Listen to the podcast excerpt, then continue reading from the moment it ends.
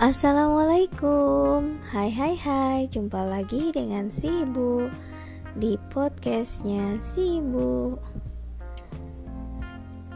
Ya untuk kali ini kita masih ngomongin tentang segmen yang sama.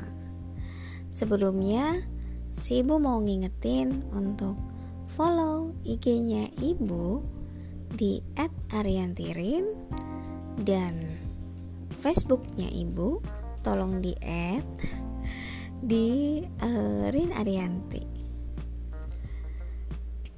Uh, siapa ya di sini yang hobi memelihara kucing atau suka sama hewan kucing?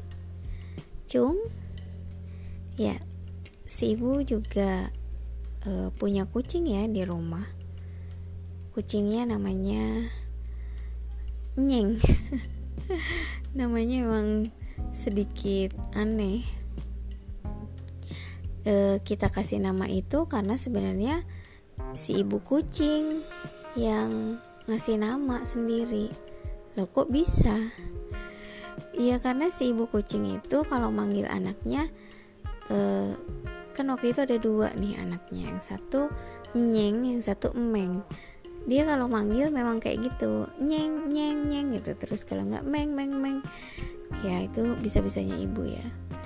Ngomongin tentang melihara kucing jadi eh, trennya sekarang karena kita sering di rumah aja karena adanya ppkm eh, banyak orang akhirnya apa ya punya hewan peliharaan gitu ya. Untuk menghibur diri di rumah karena tidak bisa ke mana-mana. Salah satunya adalah kucing. Kucing ini uh, hewan yang mengemaskan tapi dia memang uh, sulit dilatih gitu ya. Tapi memang uh, bisa menjadi teman yang baik teman curhat yang baik karena kucing ini sifatnya diem gitu ya. Dia itu bisa jadi pendengar yang baik ketika kita curhat. Sebenarnya banyak lagi ya eh, hobi memelihara hewan yang dilakukan orang-orang eh, di masa pandemi ini gitu ya. Kucing terus ada yang memelihara ikan cupang gitu ya. Bahkan eh, apa ya sampai bisnis gitu ya sampai jual beli e, burung gitu ya burung-burung yang punya suara bagus e, bahkan mereka juga sering ikut kontes gitu ya dikonteskan. Yang nggak lazim itu sebenarnya punya peliharaan peliharaan hewan ternak ya. Kalau hewan ternak sih orang-orang kampung punya semuanya gitu ya. Tidak hanya pandemi saja gitu ya. mereka memang memelihara hewan ternak seperti sapi gitu ya, ayam bebek. Ya itu uh, hobi yang menghasilkan uang juga karena uh, bisa dijual dengan harga yang fantastis ya. Uh, untuk hewan ternak sekelas sapi kambing gitu ya lumayan kalau pas pandemi kayak gini nggak punya duit kan bisa dijual ya. Bisa buat beli booster untuk meningkatkan imun. Ya uh, itu ya. Jadi orang-orang mulai uh, hobi memelihara uh, binatang karena memang kita butuh uh, refreshing gitu ya karena kita nggak bisa pergi ke pusat perbelanjaan atau kita nggak bisa traveling keluar kota akhirnya ya hanya di rumah saja dan uh, main bersama binatang peliharaan.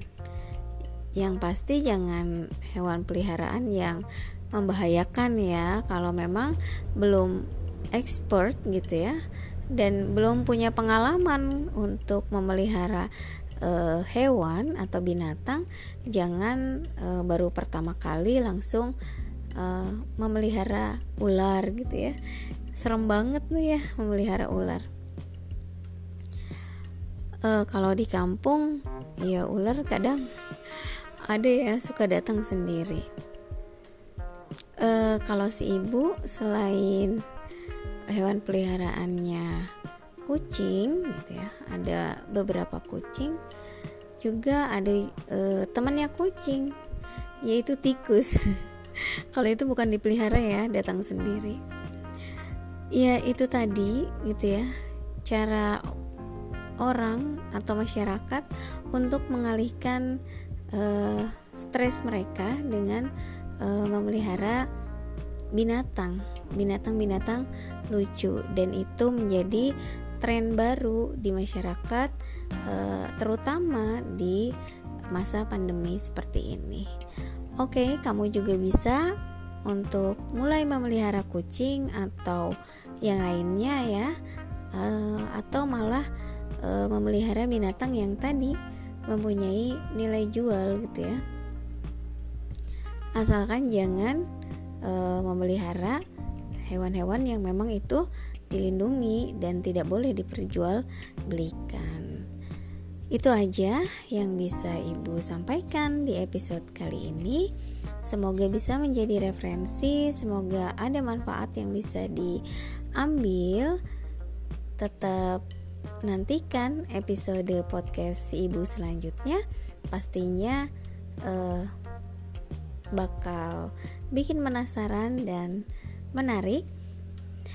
Jadi, stay tune.